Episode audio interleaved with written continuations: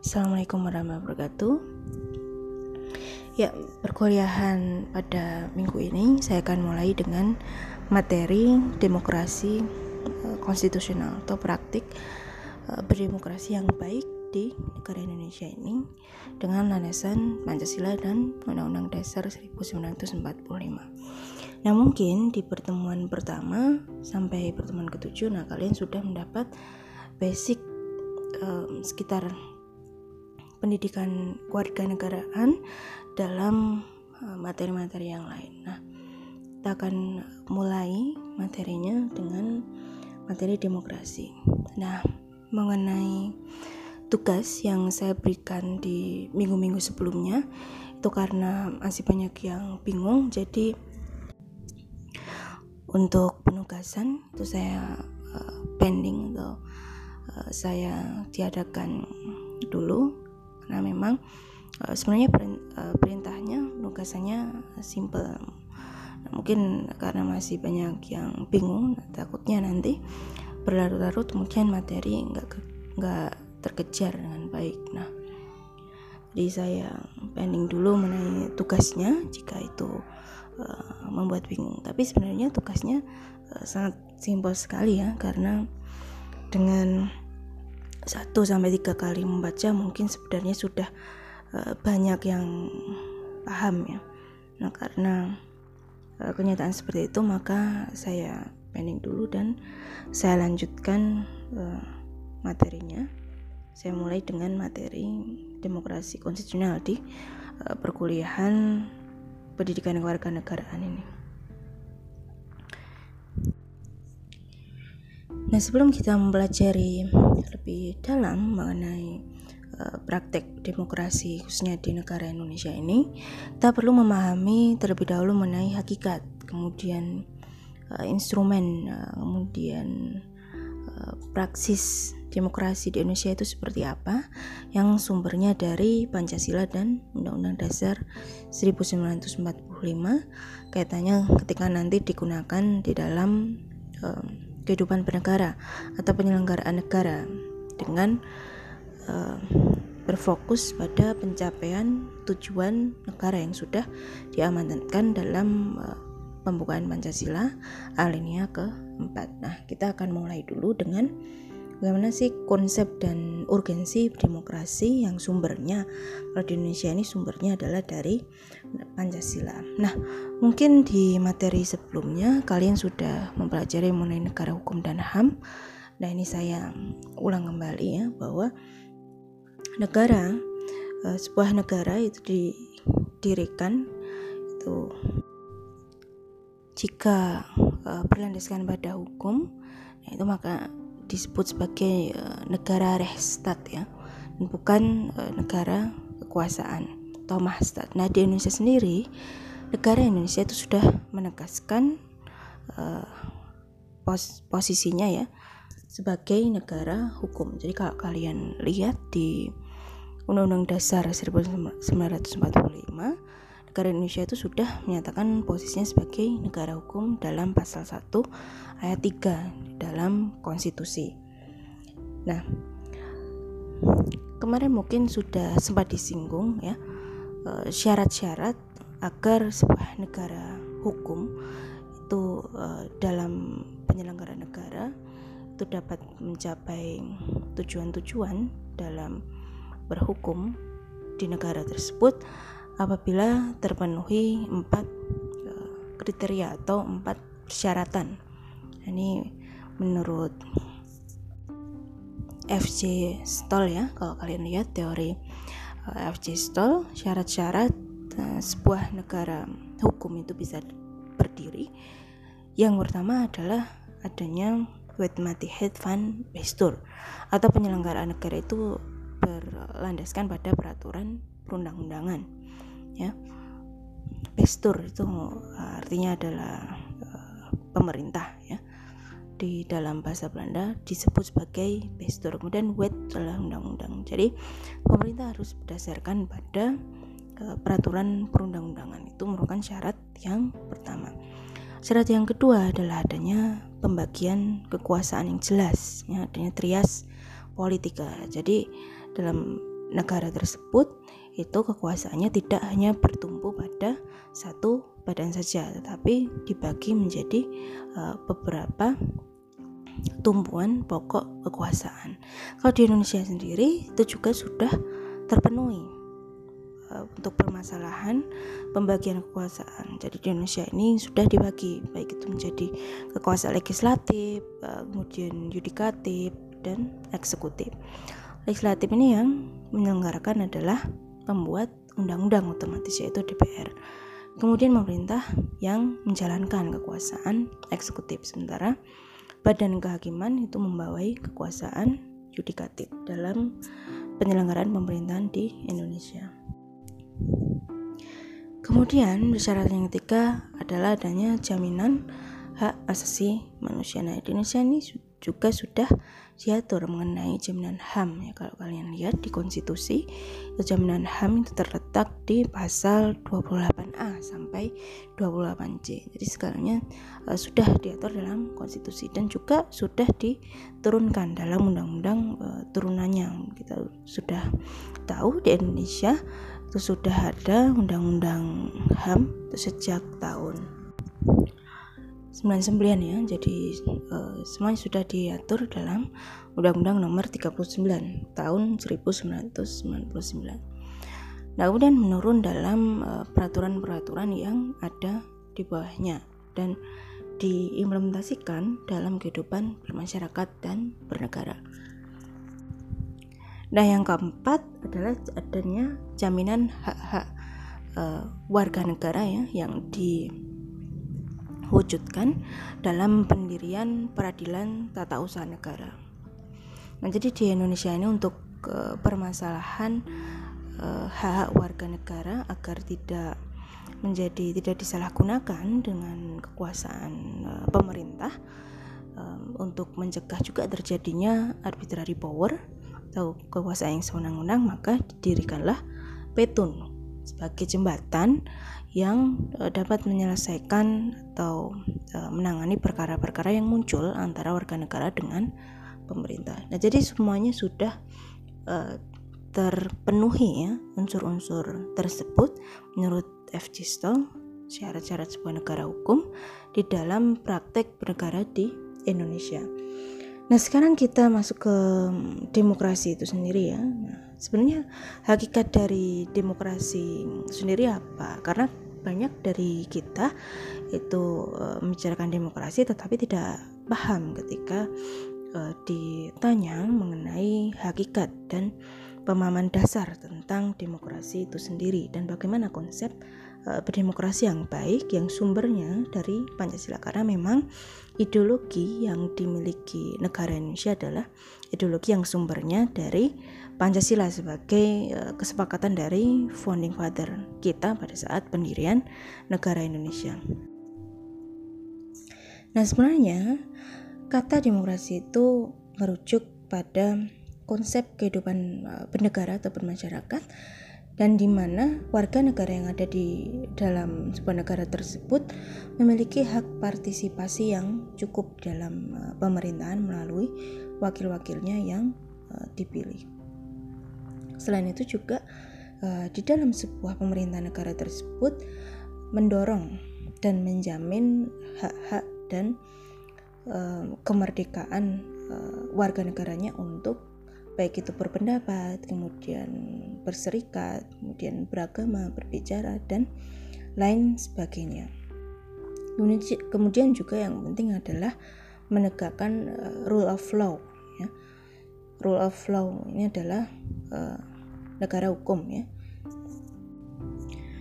Bedanya dengan Reichstag kalau teorinya rule of law ini yang membawa adalah AVDC, kalian bisa sambil browsing bahwa eh, syarat-syarat uh, sebuah negara rule of law ini biasanya dipakai oleh negara-negara yang penganut Anglo-Saxon. Sebenarnya Reichstag, konsep Reichstag atau negara hukum berdasarkan Reichstag itu yang menerapkan adalah negara-negara dengan sistem Eropa kontinental. Itu persyaratan juga sama untuk pendirian negara hukum rule of law. Jadi yang pertama juga sama adanya uh,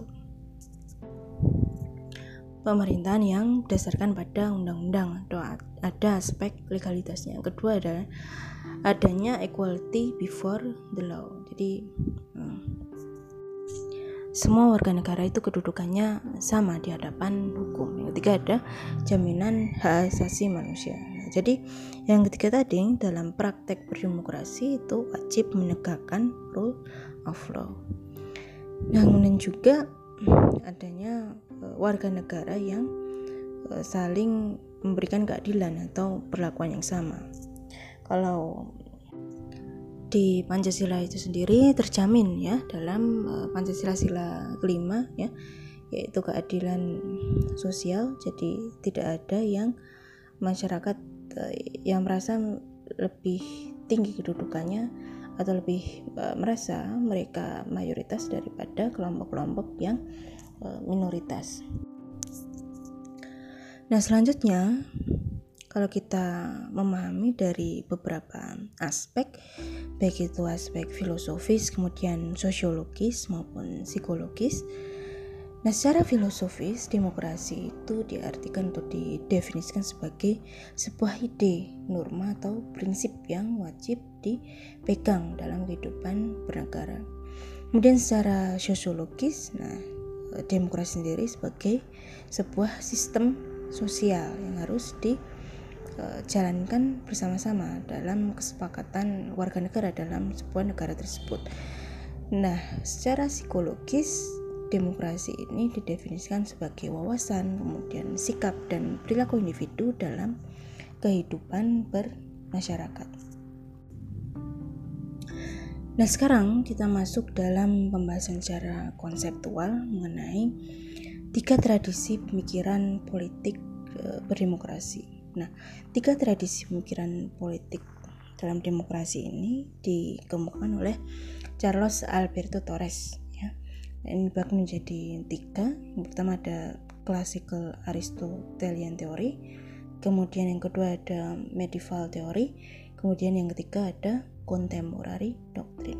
Nah kita membahas yang pertama ini dalam tradisi pemikiran kaum Aristotelian atau pengikut Aristoteles ya nah demokrasi ini merupakan tadi artikan sebagai salah satu bentuk pemerintahan di mana disebut, di situ disebutkan bahwa the government of all citizens who enjoy the benefits of citizenship. Jadi maksudnya bahwa pemerintahan yang uh, berbasiskan pada seluruh warga negaranya, nah itu menikmati uh, kemanfaatan dari adanya citizenship atau uh, masyarakat yang ada di situ. Jadi artinya masyarakat yang ada dalam pemerintahan sebuah negara semuanya atau seluruhnya ikut e, merasakan adanya pemerintahan yang berdasarkan pada warga negaranya yang membela hak-hak warga negara. Jadi di situ e, ikut semua merasakan. Makanya e, kata-katanya adalah who enjoy the benefits of citizenship. Kemudian yang kedua adalah e, tradisi medieval theory ini konsepnya adalah Roman law eh, dan popular sovereignty yang menempatkan suatu pelaksanaan eh, kekuasaan pemerintahan tertinggi itu berada di tangan rakyat. Nah, di situ dijelaskan bahwa a foundation for the exercise of power, leaving the supreme uh, power in the hands of the people. Jadi pemerintahan berdasarkan pada um, kedaulatan rakyatnya dia tidak jauh berbeda dengan negara Indonesia di mana uh, kedaulatan sumbernya sumber yang paling tinggi adalah uh, di tangan rakyat. Kemudian yang ketiga adalah contemporary doctrine of democracy. Nah, ini konsepnya uh, republikan mana uh, di situ memandang bahwa konsep republik itu sebagai bentuk pemerintahan rakyat yang murni. Nah, ini juga condong dengan negara kita memakai konsep uh, republik dalam negaranya. Nah, sementara um, pakar yang lain ya, ini menurut Torres, ini memandang demokrasi dapat ditinjau dari uh, dua aspek. Pertama adalah aspek formal demokrasi, yang kedua ada substantif demokrasi. Nah, formal demokrasi ini merujuk pada sistem pemerintahannya, sedangkan substantif demokrasi ini merujuk pada bagaimana implementasi atau pelaksanaan proses demokrasi tersebut dalam sebuah negara.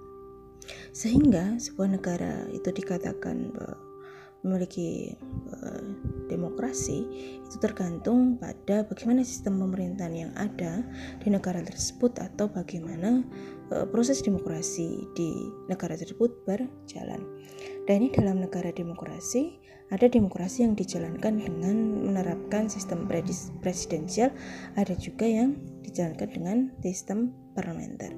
Nah, kita dalam sejarah eh, Indonesia dulu juga sudah pernah menjalankan uh, demokrasi dengan sistem parlementer ya. Jadi dengan banyak uh, parlemen-parlemen tetapi nampaknya negara kita tidak setuju ya karena sebuah parlemen itu salah satu kelemahannya adalah uh, dia mudah diberikan uh, mosi tidak percaya ya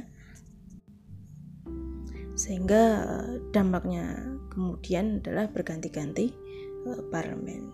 Nah di Indonesia sendiri sistem yang digunakan adalah sistem presidensial. Jadi ada nah, uh, presiden, kemudian di situ ada kekuasaan legislatif. Jadi presiden yang menjalankan pemerintahan, menjalankan kekuasaan eksekutif ini terpisah dengan lembaga legislatif.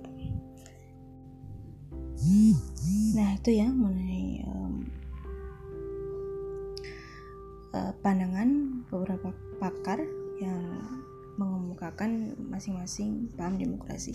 Nah sebelum kita masuk ke dalam demokrasi dalam negara kita sendiri atau demokrasi Indonesia yang sumbernya dari Pancasila, kita uh, sedikit uh, flashback tentang konsep demokrasi uh, sendiri itu pertama kali munculnya di mana sih? Jadi eh, konsep demokrasi pertama kali itu dipercayai muncul di negara Yunani kuno yaitu di Athena. Dan pada saat itu berkembang banyak filsuf seperti yang kita ketahui bersama sekarang ada Socrates, Plato dan Aristoteles. Nah, dalam uh, praktek demokrasi di Yunani kuno pada waktu Socrates. Nah, Socrates ini adalah seorang filsuf yang sangat orangnya uh, sangat uh, menyukai uh, kebijaksanaan ya. Di uh, dia mencari kebijaksanaan atau wisdom itu sendiri melalui perjalanannya dari satu tempat ke tempat lain. Jadi dia menggali pengetahuannya itu bukan dari apa yang uh, sudah tertulis di eh, buku-buku uh, atau di uh,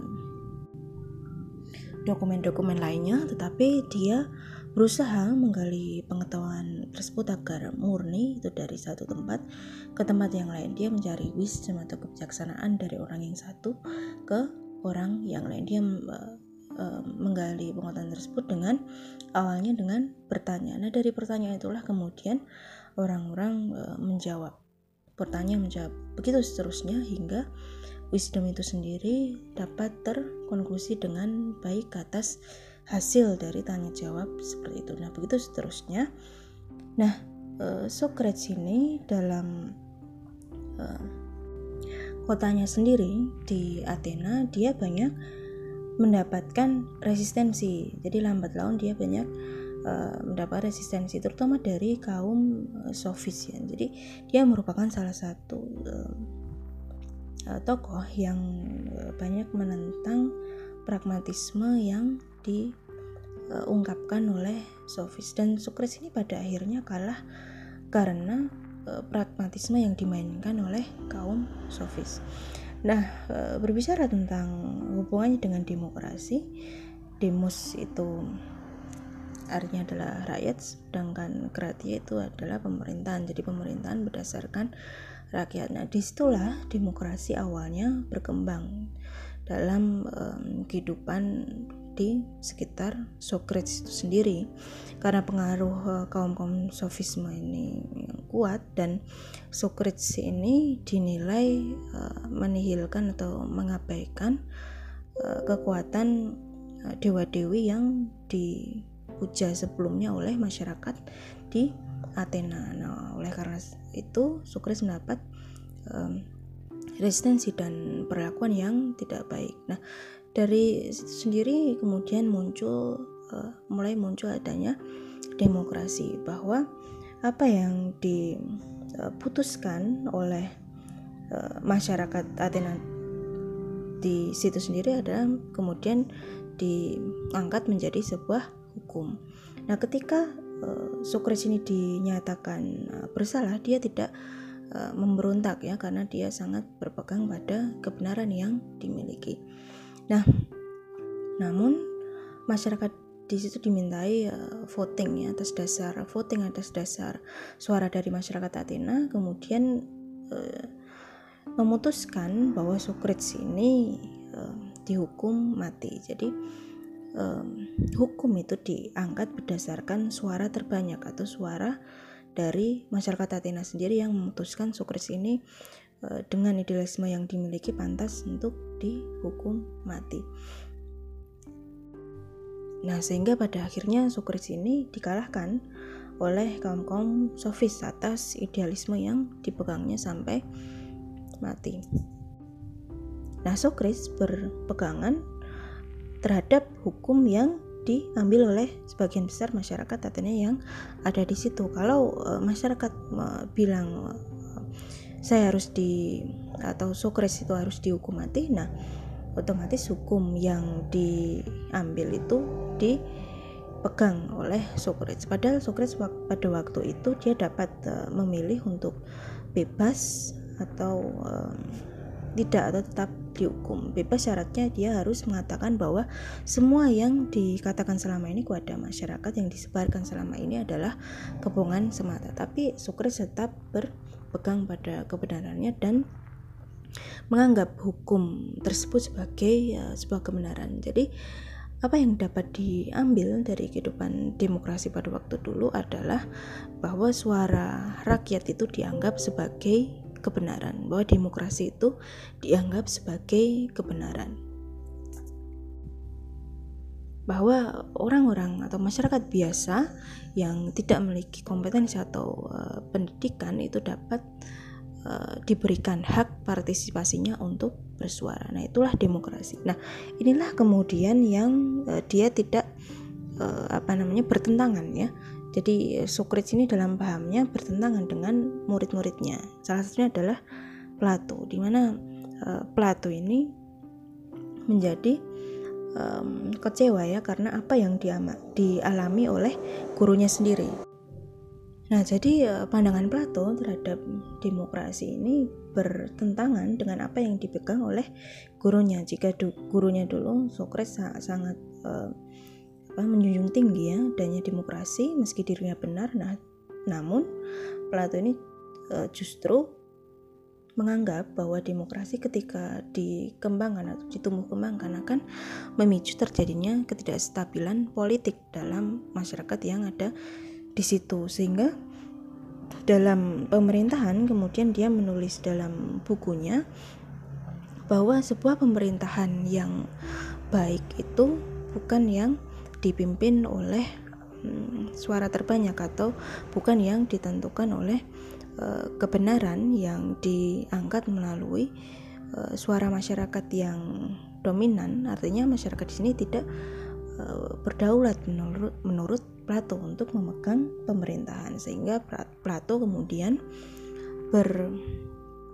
berasumsi bahwa sebuah penyelenggaraan pemerintahan yang baik dalam sebuah negara itu ketika dipimpin oleh orang-orang uh, minoritas atau kelompok kecil yang dia memiliki kompetensi tinggi atau memiliki pendidikan yang tinggi untuk uh, memimpin sebuah pemerintahan. Nah, kemudian lahirlah konsep aristokrasi yang berlawanan dengan konsep demokrasi itu sendiri. Nah, jadi apa yang dapat diambil dari kehidupan berdemokrasi pada waktu pertama kali muncul di Athena adalah bahwa menurut Plato, kebenaran itu tidak selalu berbanding lurus terhadap uh, demokrasi atau terhadap kemauan rakyat yang ada di situ.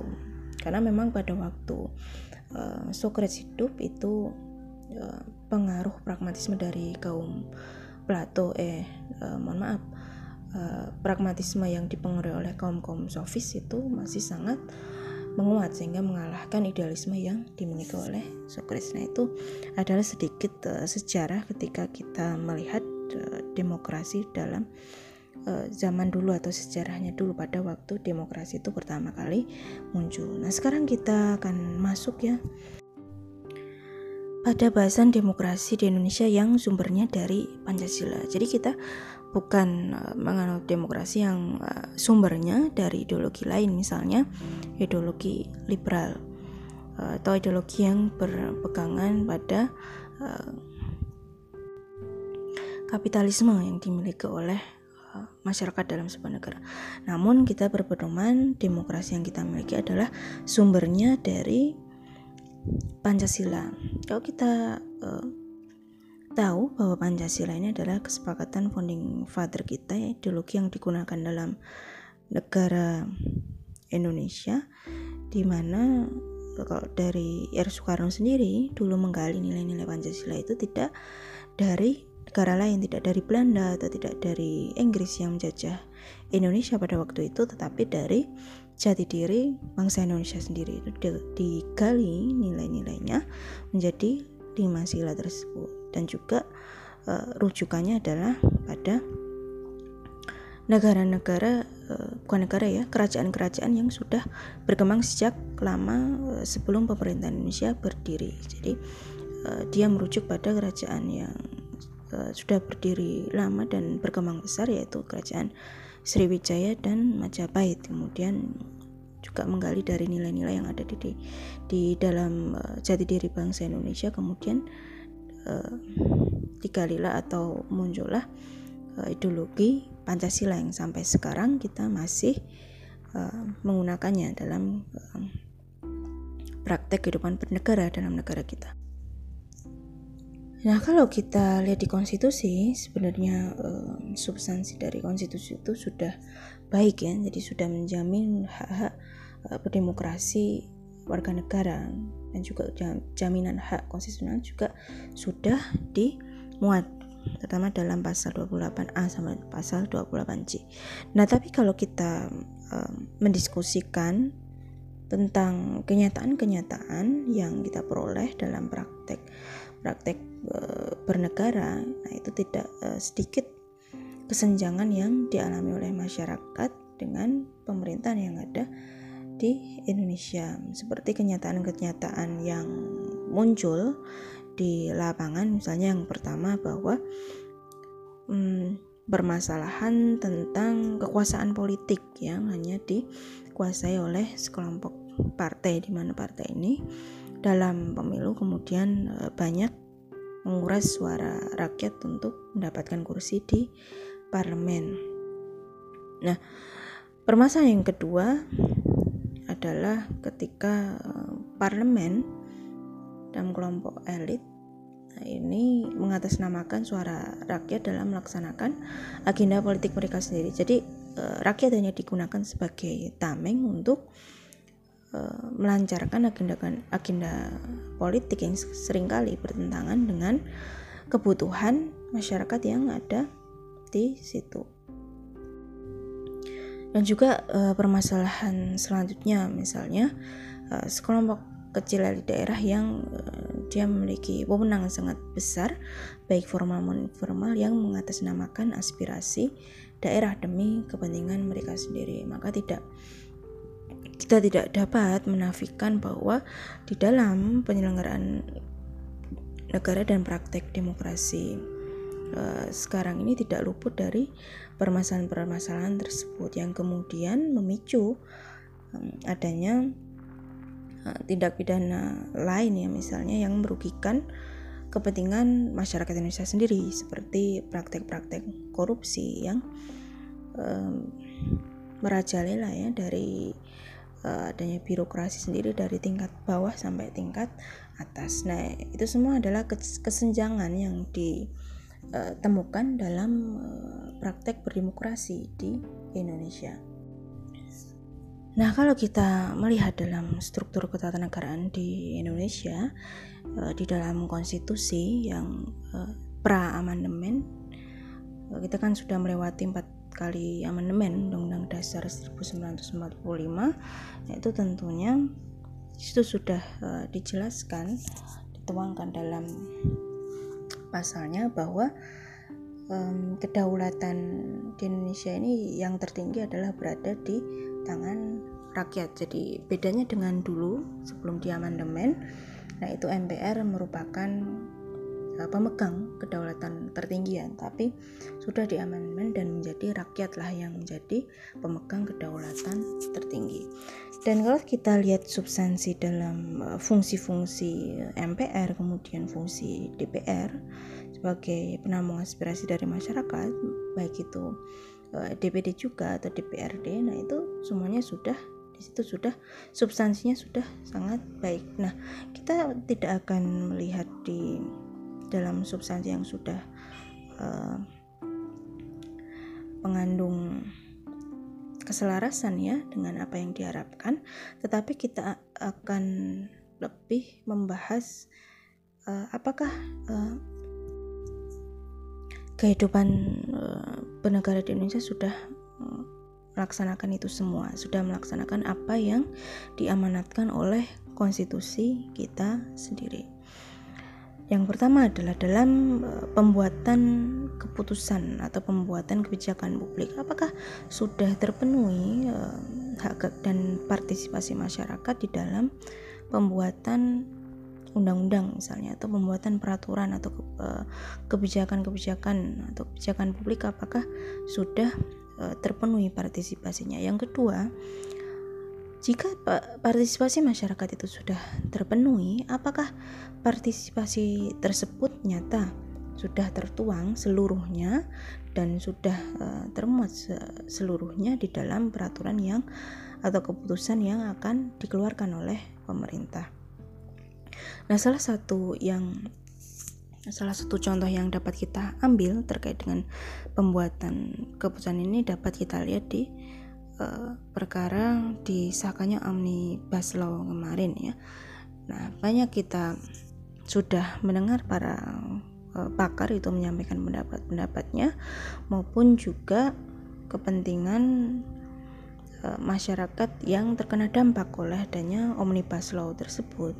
Mereka sudah berpartisipasi ter tetapi ternyata tidak dituangkan seluruhnya dalam pembuatan omnibus law sendiri. Jadi setelah um, omnibus law itu disahkan ternyata tidak memuat seluruhnya apa yang sudah dipartisipasikan oleh masyarakat. Jadi persoalan dasar adalah bukan uh, ada atau tidaknya partisipasi, tetapi sudahkah partisipasi yang disampaikan oleh masyarakat tersebut tertuang dengan benar dalam keputusan atau uh, kebijakan publik atau undang-undang yang akan dikeluarkan oleh pemerintah. Nah, yang kedua adalah sudahkah uh, terpenuhi adanya persamaan kedudukan di depan hukum atau sudah terpenuhi belum equality before the law-nya. Artinya di sini menurut uh, prinsip ini bahwa semua rakyat ini memiliki kedudukan yang sama di dalam hukum. Artinya hukum harus dijalankan secara adil dan tidak boleh uh, pandang bulu. Nah, ini uh, tentunya kalau kita lihat di praktik penegakan hukum yang ada di Indonesia ini masih masih uh, sangat jauh antara das solen apa yang seharusnya dan dasein apa yang senyatanya dalam masyarakat. Jadi masih uh, banyak dalam kasus-kasus itu bahwa rakyat kecil tidak uh, mendapatkan perlindungan hukum yang sama dengan misalnya kalau kita bandingkan dengan pemegang kekuasaan atau dengan pejabat negara. Nah,